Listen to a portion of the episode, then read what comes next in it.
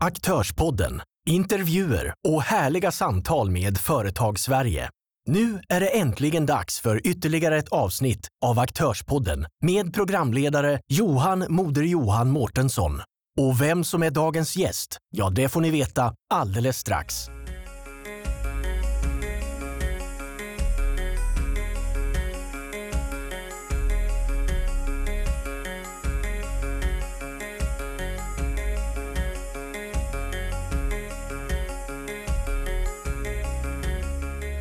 Varmt välkomna till aktörsbaden! I dessa kriser så sitter vi inte nere hos Flora Workspace i centrala Göteborg som vi brukar göra, utan nu kör vi över digitala eh, medier och eh, digitala verktyg.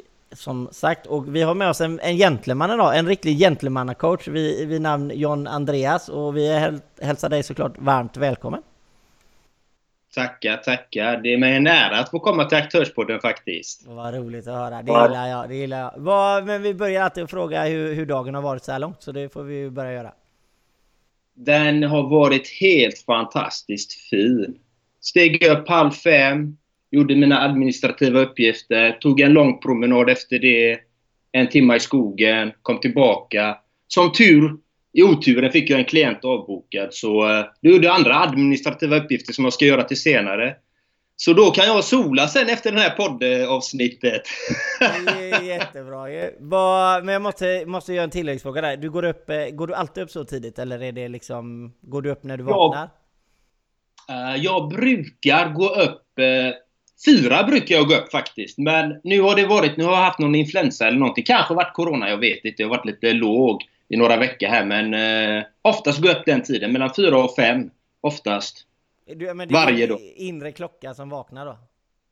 Ja, oftast. Idag var det inte det, utan jag satte klockan på den tiden för att jag ville ha gjort mina administrativa uppgifter innan mitt coaching-klientmöte som jag skulle haft då, som blev avbokat. Så då tog jag en promenad och gjorde andra saker. Men, eh, ja, men det, det låter som en, en trevlig dag så här, så här långt. Men om vi, vi går till en, en sån här fråga. Är det överskattat att vara en gentleman? Hur tänker du då? Nej men att, att alltid vara, alltså ska alltid be, alltså, ha en viss standard på sitt sätt att agera? Ja, det, det, handlar ju egentligen om en inre utveckling som jag ser det. Den gamla standarden är ju reviderad, tycker jag då, där man ska hålla sina känslor inom sig och trycka ner känslor. Och eh, som jag ser en gentleman, han ska kunna vara sig själv och ha kontroll på alla sina tankar och känslor hela tiden. Och det är, det är en process som tar många år att jobba på. Och vi alla är ju människor, så vi alla åker dit på de här bananskalen emellanåt ändå. Men att hela tiden eftersträva att vara en genuin och ärlig och autentisk män människa är någonting vackert. Och när du är det, automatiskt när du är ditt autentiska jag, då kommer du göra de här sakerna som egentligen man gör. För att när du är lycklig och glad och fri, då är du snäll. Så enkelt är det. Men, ja, men, absolut. men om, om, vi tänker så här, i en företagarroll eller eh, arbetsledare eller när du är en, eh, du kan vara lagsport också, när du är en ledare, så kan man bli satt under ganska hård press av ganska många andra, eh, där, som kanske inte behandlar dig på det sättet. Eh, och många gånger så tar mm. man ju det så att säga. Men hur, hur ska du då göra när du kanske blir utsatt för samma tråkiga attityd eller tråkiga stil emot dig som man kanske inte tycker är gentlemannamässigt. Men det är, det är liksom hela, hela, hela tiden. Hur ska du liksom, hur kommer du förbi det liksom? Jag förstår frågan och eh, det handlar ju om att faktiskt ha eh, de här inre verktygen jag pratar om. För oftast, oftast upplever vi samma, samma moment många gånger om. Och Kanske första gången kanske du reagerar på ett sätt som du inte brukar göra, kanske överreagera, men det gäller ju att se hur, hur brukar jag reagera i de här situationerna? Okej, okay. är vederbörande eh, sarkastisk? Är han eller hon eh, nedlåtande? Gör den inte sitt arbete? Sköter den inte sina uppgifter? Eller var saklig i de frågorna och faktiskt bemöta det sakligt och konkret. Och det kan man göra egentligen. Man, man behöver inte gå in med en ilska eller frustration eller någonting. Man kan gå in där lugnt och fint. Men bara man är saklig och konkret så kan man faktiskt hantera de flesta situationer ganska bra. Och då förstår ofta motparten det. För kastar man eld på eld eller bensin på eld, då blir det en stor flamma. va?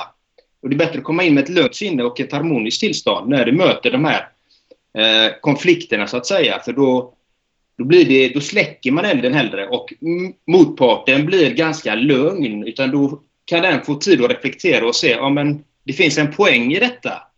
Eller, så om det inte är i affärsvärlden, om det är i relationer kan man säga, eller i affärsvärlden har jag också fått göra, satt eh, bolag i karantän, sagt att jag accepterar inte de här beteendena. Så ni får tre månader på er att åtgärda de här sakerna. Så tar vi upp det igen. Och så tar man upp det igen. Och har de förbättrat sig då, då kör man, fortsätter man samarbetet. Men, men återupprepa samma saker om och om igen. Då får man ju ställa sig frågan, är detta värt att fortsätta hålla på med? Att samarbeta? Ja, och då, för det gäller ju, det gäller ju liksom att se, när du säger ja till någonting, då säger du nej till någonting annat. Och när du säger nej till någonting, så säger du ja till någonting annat. Så det gäller ju hela tiden att vara medveten om valen man gör. Ja men det, det, det, alltså absolut och det är lite det jag vill komma till lite sådär. Och det är egentligen det svaret som jag tar av frågan det är att välj, välj dina affärer. Välj dina ställen du ska vara. Precis! Ja, det, det tar vi med oss. Eh, kontext är viktigt. Kontext är jätteviktigt. Och kontexten i när man pratar om personen, det handlar ju egentligen om, lite om bakgrunden så att man får lite, lite känsla för människan och när man sitter och pratar sånt här. V vad, vad är din kontext? Vem är John? Vem är John? Jag eh, är uppvuxen i Göteborg. Eh, uppvuxen i en kärnfamilj i Göteborg och eh, fick tidigt lägga mina fotbollsskor på hyllan. Jag hade en dröm att bli fotbollsproffs. Jag var elitspelare, spelade i division 1 i Göteborg massa skador som jag fortfarande lider av än idag. Sen efter det så eh, gifte jag mig, skilde mig, gick igenom två utbrändheter och ett tillstånd som jag kallar levande död. Och därav alla tusentals timmar som jag lagt ner i inre och mental träning har lett mig till att bli gentleman's coach idag. Det är min nästa fråga. Vad, vad, vad, är, vad är det att vara en gentleman coach? Liksom? Vad, vad gör man? Eh, det man gör, som jag gör då, jag, jag jobbar med interna eller externa mål hos klienten. Då. Det kan ju vara allt från att eh, hitta sitt autentiska jag. Det kan vara jobba med sin självkänsla, det kan jobba med sitt självförtroende. Där har vi inre mål. Sen har vi externa mål. De kanske vill eh, lyckas i vissa affärer, de vill få bättre framgång i vissa områden i livet. Som relationer, företagskultur, det kan vara precis vad som helst som klienten vill ha hjälp med. Men jag förespråkar alltid att börja med livssyfteprocessen på grund av att då validerar du aldrig dig själv utan då är du hela tiden i kontakt med dig själv när du väljer dina val i allting du gör. Så har du ett verktyg. För vi alla har ju mött på den här känslan. Jag skulle inte ha gjort det där, den här magkänslan kom in där. Men ändå gjorde man det och det blev katastrof. Jag tror att vi alla har upplevt det x antal gånger i våra liv. Och med, med det här synsättet och med det här verktyget så, så har du lättare att tänka med ditt innersta jag. För då jobbar du på ett helt annat plan. Då väljer du de affärspartnerna som har redan den, de rätta ingredienserna som passar överensstämmer med dig. Och det behöver inte alltid vara de ekonomiska förutsättningarna. Det kan vara eh, personkemin fungerar, företagskulturen är, är rätt för dig när du, när du gör dina saker. Så det är det jag gör med mina klienter. Jo men, eh, men ja, precis dina klienter, för du har, du har en sån där lite informationstext på hemsidan som jag givetvis har tittat och där står det du ska utforska och hitta din kunds unika livssyfte. Och det är ju något yes. som är otroligt djupt och ändå kan man tycka eh, livssyftet förändras ju också lite. Men hur, hur, jobbar du med liksom det? För att det är ju en otroligt djup fråga att, att mm. alltså, hitta någonting någon brinner för liksom. Det är inte lätt eh, alla gånger. Nej, det, det är inte riktigt det jag gör heller. För att livssyftet, jag tar fram ett livssyfte, ditt, Johan, ditt autentiska livssyfte i ord. Till exempel som mitt då, som jag kommit fram är, jag är fri. Jag delar min kärlek och glädje med alla varelser. Det är mitt unika livssyfte. Det är ett citat som kommer från innersta, min innersta kärna, så att säga. Som kommer från genom processen. Och med den texten, som är så autentisk med mitt innersta jag. Den, valider, den använder jag i alla val jag väljer. Skulle jag känna som här nu att du på något sätt validerar min frihet och min kärlek så hade jag tagit ett steg tillbaka och analyserat detta medan vi pratar. Varför känner jag så? Aha, då hade jag fått analysera. Beror det på honom eller beror det på mig? Vad är den här för faktoren? Och sen har jag känt, okej okay, det beror på att Johan i det här fallet, han är väldigt nedlåtande, han ser ner, han gör vissa saker som inte jag accepterar. Och då kan jag konfrontera det och gå därifrån om jag väljer det. Men då har jag ett verktyg hela tiden att använda mig utav i alla relationer. Oavsett vilka områden det är i livet. Om det gäller föreningsliv, företagskultur, eh, privat, eh, vänner, bekanta, kärleksrelationer. Det kan vara precis vad som helst. Mm. Och du har även en podcast antagligen där du pratar just om de här sakerna, eller? Det får du ju prata lite, du, för ni startar en podd i år har jag förstått det? Ja, jag startade det med en primal coach. Ehm, eh, startade vi en podd som heter Lev ditt drömliv. Och jag förespråkar ju alltid det att man kan leva sitt drömliv. Men vårt drömliv ser olika ut. Johan ser annorlunda ut än mitt. Och mitt ser ut som det gör. Och Rickard ser ut som Rickards och Pelles ser ut som Pelles. Alla har vi olika ingredienser som vi tycker om i vårt liv. Och alla har den möjligheten att leva sitt drömliv från sitt autentiska jag, som jag säger det. Och den här, den här podden går ju mer ut på att inspirera människor att tänka till. Oh, men det här kan jag föra in i mitt liv. Att ja, jag vill bli mer hälsosam. Vi pratar om kost. Ja, jag vill bli mer ekonomiskt oberoende. Vi pratar om det. Vi pratar om utsatthet. Vi, vi pratar om ganska breda livsfrågor i den podden för att inspirera människor till att ta de stegen man vill i sitt liv. Det låter som en jättebra. Det, det antar jag att man kan lyssna precis överallt eller på Spotify eller vad. Så det får ni, om ni är intresserade får ni absolut hoppa in och, och göra det. Eh, men nu hoppar vi vidare på dina klienter. Vad är det bästa resultatet som, som du känner att du har gett en klient? För det första så kan inte jag ge klienter något resultat. Utan de gör jobbet själva. Vad är det bästa utan, jobbet klienten har gjort då, för sig själv? Ja! Det som de bästa, den första bästa är ju den som tackade mig hans liv, att han fick livet tillbaka. Det är nummer ett. Det var den första klienten. Han, han var på bottens botten och mådde, ja, som man förstår om man inte mår bra.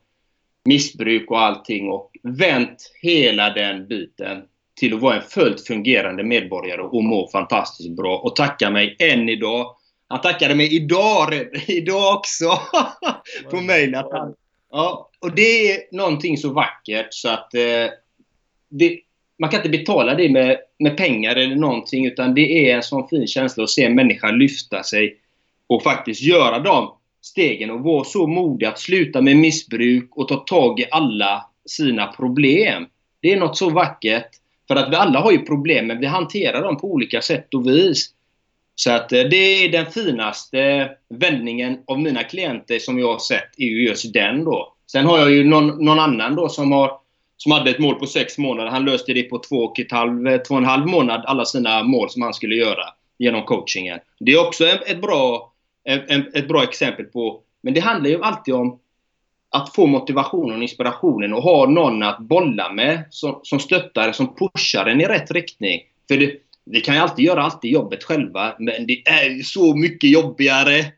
Till exempel om man ska renovera ett hus helt själv. Det tar tid! Då kan man vara tio stycken och renovera. Det går så mycket snabbare. Ja men så är det ju. Så är det ju. Men sen tror jag, tänker jag också på den här aspekten med att eh, jag samtalar med väldigt, väldigt många företagare ute i Sverige från, från eh, vad heter, söder till norr.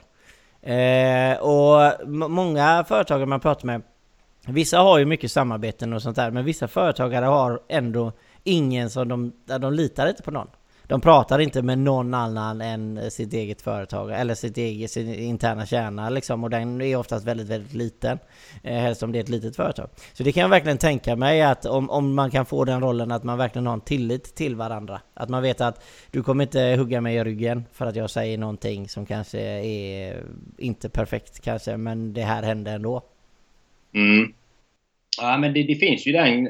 Tyvärr är det ju så och människan är ju, många människor är ju giriga och de vill roffa åt sig saker och ting. Och det här handlar ju om samarbete, att faktiskt som du säger öppna upp, våga vara öppen. Och visst, man kanske får en dolk i ryggen men då vet man ju att den, den samarbetspartnern, den var inte där. Den var bra så länge det varade. Då får man hitta en annan. Förstår du? Nej. Utan man, man, ska inte, man ska inte låta sin tillit eh, förminskas på grund av någon annans handlande. Om vi hoppar över på misslyckandet, eh, eller misslyckanden. Vad är, vad är ditt största misslyckande i livet? Jag ser inte det som misslyckande, jag ser det som erfarenheter. jag har hört det, det är faktiskt eh, en gång, jag har hört det en gång tidigare i podden faktiskt. Så att, eh, men om vi säger, vilken är den, den största erfarenheten du har haft då? Ja, jag var ju med, jag var ju med om finanskrisen 2008-2009. Då fick jag ju säga upp x antal personer. Jag fick ju, jag fick ju lägga ner bolag. Jag fick lägga ner allting. Fick sälja hus och de bitarna. Så det var en tuff period i mitt liv kan jag ju säga. Men det har gett mig så mycket i dagsläget att jag har en sån erfarenhetsbank av de här bitarna. Och speciellt nu när vi är inne i coronakrisen här nu och den kommer ju bli något ofantligt. Den kommer sätta bolag i konkurs. Den har redan gjort det. Småföretagare och mellanstora företag. Och, eh, och det är inte bara det som händer utan det händer ju också att familjer sätts i fattigdom. Eh, missbruken ökar, den psykiska ohälsan ökar. Alla de här bitarna kommer ju bli så enormt katastrofala när den här har lagt sig.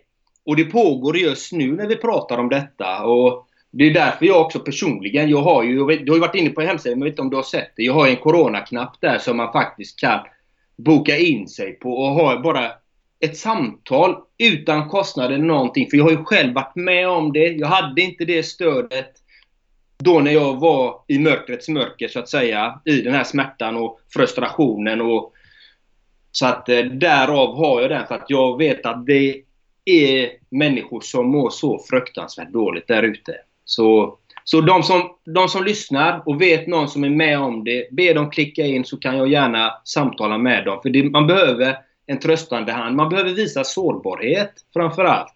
Vi är så, här i Sverige är så, så stolta hela tiden. Vi ska ha huvudet högt och aldrig våga visa oss för vem, vem vi är. Det är bra. Det är helt rätt. Och det, det ligger på hemsida? Ja, det ligger på min hemsida. gentlemanscoach.com men eh, och även om vi ändå är inne på hemsidan så, så har du massa självtester på hemsidan. Jajamän Johan, du har provat alla va? Ja, ja, jag hade bästa resultat på alla. Men eh, är det viktiga måttstockar liksom? Jobbar du med de här eller är det här mer liksom en liksom eh, kolla lite läget eller hur, hur ska man? Tar med bara för att, för att om man är nyfiken på att veta hur sin självkänsla är, för den är väldigt viktig egentligen självkänsla bottnar ju egentligen hur mycket väl du känner dig själv och hur väl förankrad du är i dig själv. Och har du god självkänsla så spelar det ingen roll om, om du utsätts för en ny, ny miljö, eh, träffar nya människor eller någonting. För då, är du, då känner du dig trygg i dig själv om du har god självkänsla. Du kan gå in i vilket offentligt rum som helst och du känner dig alltid trygg. Du behöver inte vara nervös, du behöver inte du kan vara lite nervös men du har ändå din trygghet så att säga. Du känner att Nej, men jag har mig, jag behöver inte ha någon annan att lita på. Och, och det är väldigt fin, fina tester där som man kan se hur man ligger till. Det är bara för att öka medvetenheten hos oss. Så, som sagt, jag började min inre utveckling 2008, precis innan den här finanskrisen kom. Började jag mitt brinnande intresse för den här inre utvecklingen och undrar varför man får de resultaten man får i livet. Så därav började jag med de här bitarna. Så det är en bra metod att börja med. Titta, hur, hur är jag? Hur fungerar jag? Varför är jag som jag är? Vad är, det, vad är det mina föräldrar har lärt mig? Vad har den sociala strukturen lärt mig? Varför får jag de resultaten jag får? Det är så viktigt att titta på alla de bitarna för att vi föds i en viss social struktur, vissa, vi umgås med vissa människor. Då bildar vi en uppfattning om hur verkligheten är. Den kanske är kanske inte alls är bra, kanske inte alls är gynnsam för dig. Du kanske kan få mer gynnsamma resultat om du utvidgar den sociala normen, de här sociala strukturerna. Mm, ja, men det, men det ja, absolut, okej, okay, men jajamän, och det är... Men, men, jag, jag har bara en tilläggsfråga där innan jag, jag glömmer av den här. Själv, självkänslan i, i Sverige eller alltså runt omkring när du pratar med människor. Alltså hur är självkänslan får du ändå säga, alltså generellt sett om vi bara liksom, om du klumpar ihop alla till en och samma boll. Hur tycker du att självkänslan, eh, hur, hur har vi det här? Ja, den, den är faktiskt inte så jättehög här eh, i Sverige kan jag säga. Eh, jag träffar inte många som är, som är autentiska, som är sitt innersta jag. För det bottnar i det för att ofta så är vi rädda. Vi är rädda för att mista de här ekonomiska förbindelserna. Vi är rädda för att visa vem vi är, för att vi inte står för vilka vi är, var vi kommer ifrån, eh, vilka erfarenheter vi har tidigare i livet. Alltså vi, det är det det handlar om, att faktiskt inse att vi är här på en äventyrsresa. Vi är här för att utforska och hitta oss själva och att vi kan ha så fantastiskt kul varje dag. Du kan vakna med ett smile på leendet varje dag. Du kan somna med ett smile på, leva, på, på läpparna varje dag. Men det är ett val man väljer. Det är någonting som går att träna upp. Faktiskt. Ja men hur, hur, hur, funkar, alltså känner du det för att vi, vi ska prata lite samarbete här när du är här i företagsvärlden så mm. Så samarbetar man ju med andra och får goda, goda samarbeten. Eh, men ibland så kan ju det många företagare känna att eh, liksom man vill inte putta in för mycket energi i det här samarbetet för man känner liksom att nej men ja, jag, eller antingen vågar man inte eller så känner man att det här kommer bara fallera så att jag det, kom, det är ingen idé att lägga ner energi på det liksom. Så att om ett år så kommer det här samarbetet vara glömt ändå. Har, har det med självkänslan att göra tror du, alltså till individnivå liksom? Mm. Ja, det behöver det inte ha. Det kan det ha, men det behöver det inte ha. Du, du kanske ser att det här bolaget är struligt. Du kanske ser att de här personerna som styr det här bolaget, de är inte seriösa. De har x antal saker på sig som inte är bra. Givetvis, då väljer man någon som sköter sig, som har allt sitt på det torra, som man vet levererar en kvalitet. Det där är någonting helt annat man ska skilja på sak och person. Liksom. Det är helt olika saker. Så det är viktigt att se på de bitarna, varför man gör de valen man gör. Ett bolag, okej, okay, vi har provat tre månader med de här. Vad är, vad är resultatet? Hur, hur, hur nöjda är kunderna? Hur nöjda är medarbetarna? Hur fungerar de tillsammans med det här bolaget? De bitarna man får titta på. Så tittar man på de ekonomiska aspekterna. Ja, det går plus och alla är nöjda. Då är det ett bra samarbete. Men är det någonting som fallerar, då måste man ju ta upp det med en gång om man vill ha en förändring. Då måste man vara modig och, och konkretisera. Det, de här sakerna kommer upp och in, inte komma med pekpinnen, inte det det handlar om, utan det handlar om att utvecklas tillsammans. Och se, vi tycker, vi tycker de här sakerna förbättras. Och kan ni förbättra de här sakerna, då fortsätter vi en tre månaders period till. Och då kan man fortsätta. Men känner man efter de tre månader eller en månad eller vilken tidsfrist man än lägger, då Ja, det händer ingenting. Nej, men då får man ju avsluta. Då får man gå vidare. Eller om man vill se att sina medarbetare mår dåligt, till exempel på en arbetsplats. Och att eh, då, då, då är det ju alltid någon som mår dåligt. Och då får man ställa det i proportion. Ja, Okej, okay. ekonomisk vinning, sjukskrivningar, utbrändheter. Alltså man får ju titta på alla bitar.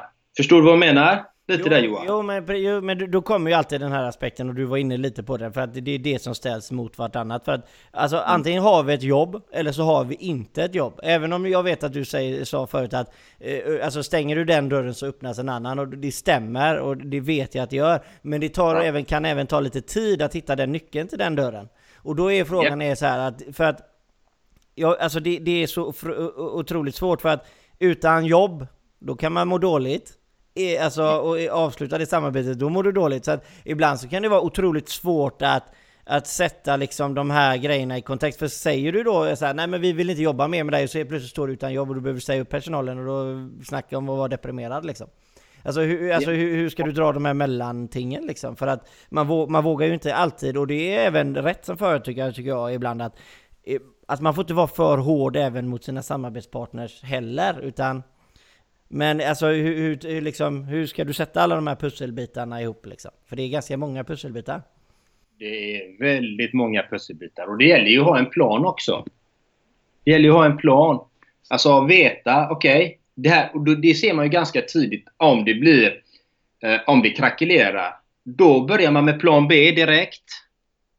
Det är det jag, det är det jag menar. Du, det gäller ju att vara medveten och hänga med. Ha den här dagliga kontakten med sina medarbetare. Den är så viktig att man har en kommunikation. Ett måndagsmöte som många har. Gå igenom, okej okay, hur fungerar det här bolaget? Vad är det ni känner känns bra där? Och få dem att bli delaktiga och ta ansvar. Och de kanske till och med eh, till slut hittar kunder, bolag som man kan samarbeta med när de blir delaktiga och känner ett ansvar för bolaget. Och det är det man vill. Man vill ju ha en gemenskap, en vi-känsla. Så att man bygger det tillsammans. Så det är väldigt viktigt att vi bygger grunden stabil från första början. För då kommer du kunna ta nästa steg. Då är de engagerade, då kan de hitta egna kunder. Många utav de här, vissa utav de här anställda är ju så pass duktiga och de är så pass drivna att de skapar kontakter åt bolaget fast när de är ute på plats också. Och de har egna kontaktnät också, många utav de här. Så det är det. Bygger man grunden ordentligt så, så behöver man inte bekymra sig så mycket, anser jag då. Det är min personliga åsikt. Sen har vi alla olika åsikter, men så, så ser jag på det. Men om vi ser den här vi-känslan, alltså vi-känslan och även nu när det varit högkonjunktur så får man ändå säga att det är ju ändå möjligt till att utveckla en vi-känsla. Det finns oftast ekonomisk kapacitet och man har tid för mer möten. Det, allting blir inte riktigt lika liksom stressat. Och, men hur ska vi göra nu, nu när liksom det är lågkonjunktur? Det kommer bli mindre att göra. Allting kommer bli mer ansträngt liksom. Hur ska man, hur ska man jobba på vi-känslan liksom? För det första så som jag förespråkar det är att vara öppen. Öppen, återigen öppenhet med medarbetarna säga så här ser situationen ut. Vad har ni för förslag för hur vi ska kunna öka omsättningen, skaffa in mer jobb? Nu, nu krävs det att vi alla hjälps åt i den här situationen. Vi alla behövs. Ni är viktiga, ni är unika, ni har speciella förmågor. Så att vi behövs alla för att hålla det här bolaget i liv. Och om vi alla gör vårt bästa, om inte det funkar ändå, så måste ju bolaget varsla för att överleva. Och då är man väldigt tydlig med att säga det också. Det är inget hot, utan det är bara att vara tydlig och konkret. Så har man byggt upp grunden ordentligt så kommer medarbetarna till slut känna, de kommer känna den här vi-känslan. Och företaget älskar oss, de, de litar på oss, de, de värnar om oss. Och de gör sitt yttersta för att vi ska ha ett levebröd. Det är faktiskt någonting som... Det har, kommer, det, det, det, har blivit mer aktuellt nu där med levebrödet. För det har ju inte varit så... Vi har ju inte tänkt så på många herrans år i Sverige. När tack att det har gått... Det finns ju alltid ett jobb runt hörnet, om man säger. Har funnits tidigare. Så att eh, ja. nu, nu kommer det bli lite annorlunda. Eh, och hur ser du på det här med, med hempermitteringarna? Jag menar, den 17 april så hade eh, företagen ansökt om 12 miljarder och 9 miljarder har blivit godkända av Tillväxtverket. Liksom. Alltså det här kommer skapa en otrolig liksom, press på hela samhället. Och tror du, att, som du sa innan, du tror att det kommer bli eh, ett mycket mer, alltså att vi kommer må sämre? Ja, och klyftorna kommer ju öka också. Det, det, är bara, det är bara att titta statistiskt. De här, de här cyklerna uppkommer ju var åttonde, var tionde år i olika former bara. Nu är det coronaviruset. Innan var det finanskrisen och innan dess var det bygg, bygg, byggkrisen. Och innan dess var det Wall Street eller det var någonting annat. De här kommer i cykler hela tiden. Så det gäller att vara förberedd på att de kommer vart åttonde, vart tionde år.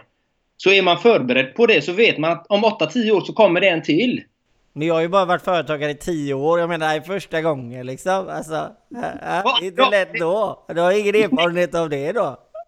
Nej, det har du inte. Varför sa du inte det här innan? Jag vet, jag vet ju detta. Jag vet ju det. Men det är, ju, det är alltid så lätt att vara efterklok. Jag var ju med 2008 liksom. Så att jag, jag vet ju vad det, är, så, vad det innebär. Ja, men det, det, det kan jag tänka mig. Den erfarenheten, den är... Det är nog, det är svårt, mycket som, det är inte mycket som slår den erfarenheten att vara, vara på eh, botten och vända den trenden alltså. Nej, och och det, alltså jag lever ju mitt drömliv nu. Och, och, det har inte med materiella tillgångar eller någonting utan det har ju med hur jag har skapat mitt liv. Alltså jag, jag är lycklig. Jag brukar säga att jag är lycklig 99% av min tid. Och, eh, och får jag någon setback som jag kallar det, då betyder det, brukar det oftast vara att jag tänker på någonting som varit i dåtiden eller att det är något mål som inte jag har uppfyllt i mitt liv. Och då kan jag bli ledsen, eh, eh, lite nedstämd och så här. Men så fort jag ser detta tydligt framför mig Då ändrar jag mina tankar och helt plötsligt så är jag lycklig igen. Och det, det går bara på, på... Ibland kan det ta en minut, ibland kan det ta tio minuter. När jag har gjort den här självscanningen och tittat inåt och hittat dem. Och det går, det är det som är så fantastiskt, att det går ju att ändra sitt sinnestillstånd. Vi är, vi är så unika, vi är så speciella att vi har de förmågorna. Men det är, det är träning på allting liksom.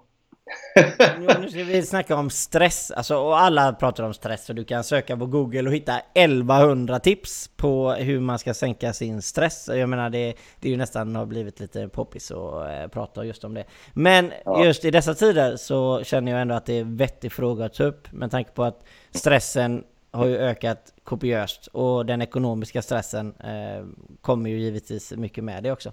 Vad, vad känner du? Har du några goda sådana här härliga tips för att liksom försöka ändå? Det finns inga snabbfix i någonting i livet. Det är nummer ett. Det finns inga snabbfix. Alla snabbfix, det finns inga snabbfix. Allting handlar om kontinuitet. Allting handlar om att ha kontinuitet och tålamod och jobba mot de här sakerna man vill ha. Vill du ha vill du ha lycka så måste du jobba för att känna den inre lycka. Vill du nå ekonomiskt eh, välstånd så måste du jobba för det. Allting är så enkelt. Och det gäller att välja. Vad väljer du? Det, valen. Varför jag blev utbränd två gånger och ett tillstånd levande död. Det är en enorm stress bakom de här faktorerna. Och det hade med att jag sa för mycket ja till saker som inte värnade om mig. Så att ju mer du säger ja till saker som inte värnar om dig, då blir du stressad. Så enkelt är det. Så om du kan lyckas hitta, som jag alltid gör med mina klienter, jag måste ju hitta grundkärnan varför de känner sig stressade. Då får, då får man göra en riktig analys. Det är inte bara att ge dem en snabbfix, okej? Okay? De kanske tror att de är stressade på grund av jobbet, men det kanske är hemifrån. De har en stress som de tar med sig till jobbet. Och då har de en, en, en, en partner där hemma som kanske gör någonting som får dem att må dåligt. Då måste man gå in där. Okej, okay, men varför tillåter du detta? Det här, det här börjar ju din stress. Du måste göra någonting åt den här stressen. Så man måste hitta kärnan alltid i stressen. Det är inte alltid på jobbet eller på hemmet. Man måste hitta kärnan. Så jobbar jag. Och det finns ingen snabbfix. Och jag brukar säga, gå promenera mycket i naturen.